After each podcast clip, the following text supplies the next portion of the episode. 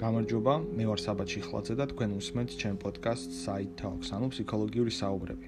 დღეს ვისაუბრებთ ჯორჯ ორველის ნაწარმოებზე, რომელსაც ქვია სპილოს მკვლელობა. ინგლისურად ქვია Shooting an Elephant.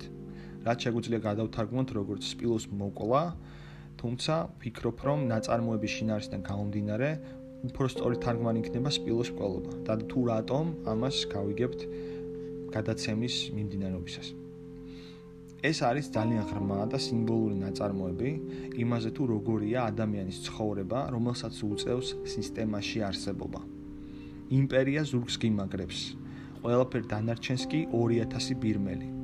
თეთრკანიანმა, რომელმაც იარაღი აიღო ხელში, აპირებს რომ მოკლას სპილო. რატომ? იმიტომ რომ თეთრკანიანი გახდა მონა. 62 წელი იპყრობდა ბრიტანეთი ბირმას.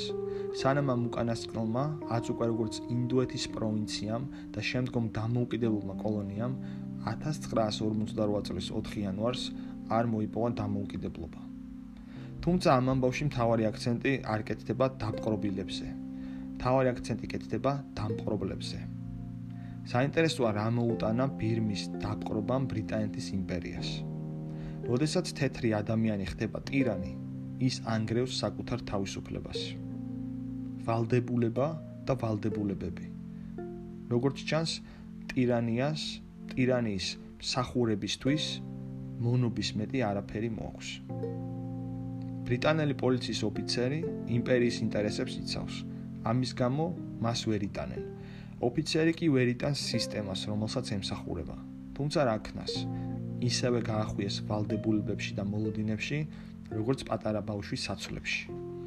ამ ყველაფრის მიუხედავად, სახეზეა როგორც ზოგადი, ასევე შინაგანი კონფლიქტი. უნდა მოკლა თუ არა სპილო, რომლის მოკლაც არ გინდა.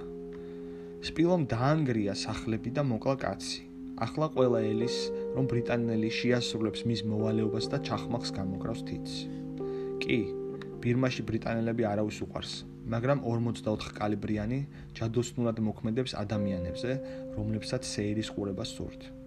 ოფიცერი მიაბიჯებს სპილოს მოსაკლავად, რომლის მოკლად სულ არ უნდა, მაგრამ სხვა გზა არ აქვს.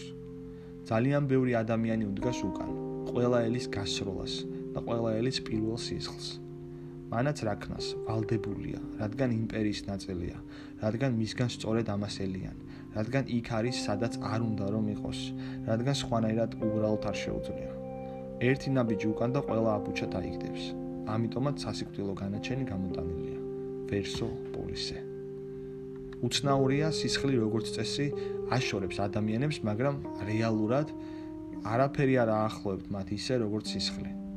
მოსისხლე მტრები ერთად უყურებენ თუ როგორ შედის უდანაშაულო ცხოველში ტყვიები. საქმე გაკეთებულია. მოხდა სამი გასროლა. სამი ომივით, რომელიც ბრიტანელებმა და ბირმელებმა გადაიტანეს.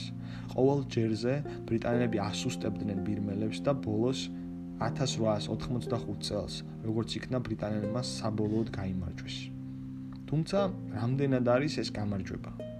დამძიმებული გულით სახლისკენ მიაბიჯებ. სინდისი კეჯნის, მაგრამ რა უნდა გააწყო? ასეთია ხვედრი, რომელიც მოაქვს ძალაუფლებას. ეს ხვედრი დიდი ტალღასავითაა, რომელსაც შეუძლია ჩაგეთრიოს ზღვის რომელიღაც ბნელ უფსკრულში და იქიდან აღარასოდეს გამოგიშვას. ერთადერთი რაც შეგიძლია გააკეთო, ესაა დახუჭო თვალები და აყვე დატრიალებულ მორევს. ხოლოდ მაშინ შეძლებ ჩახმახს გამოკრა თითი. ტირანები განწირულები არიან მონობისთვის. ისინი მათივე შექმნილი სისტემის მსხვერპლნი არიან.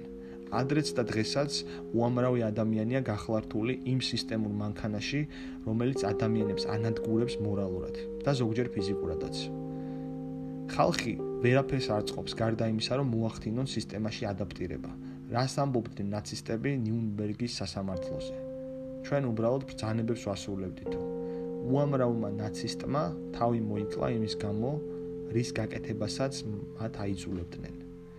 დღესაც მთავრობა, რომელიც ძალადობს მის ხალხზე, ძალადობს ასევე მათზეც, ვისი ხელითაც აღასრულებს ძალადობას. ადამიანები სისტემის ქვეშ ვერ უძლებენ იმ წნეხს, რომელშიც ყოველდღიურად უწევთ ცხოვრება. ზოგი თავს იკლავს, ზოგი იბრძვის, ზოგიც ადაპტირდება და ხდება დიდი მკვლელი მანქანის მონა. ალბათ ჩახმახზე გამოდებული თითების უმეტესობა სწორედაც მონებს ეკუთვნით. ალბათ ყველაზე ხშირად მონები არიან შეიარაღებულები. ალბათ ყველაზე ხშირად მონებს აქვთ ძალაუფლება. ალბათ ყველაზე ხშირად მონები ისვრიან იარაღს. ალბათ ყველაზე ხშირად მონები ღურიან სისხლს. მადლობა ყურადღებისთვის.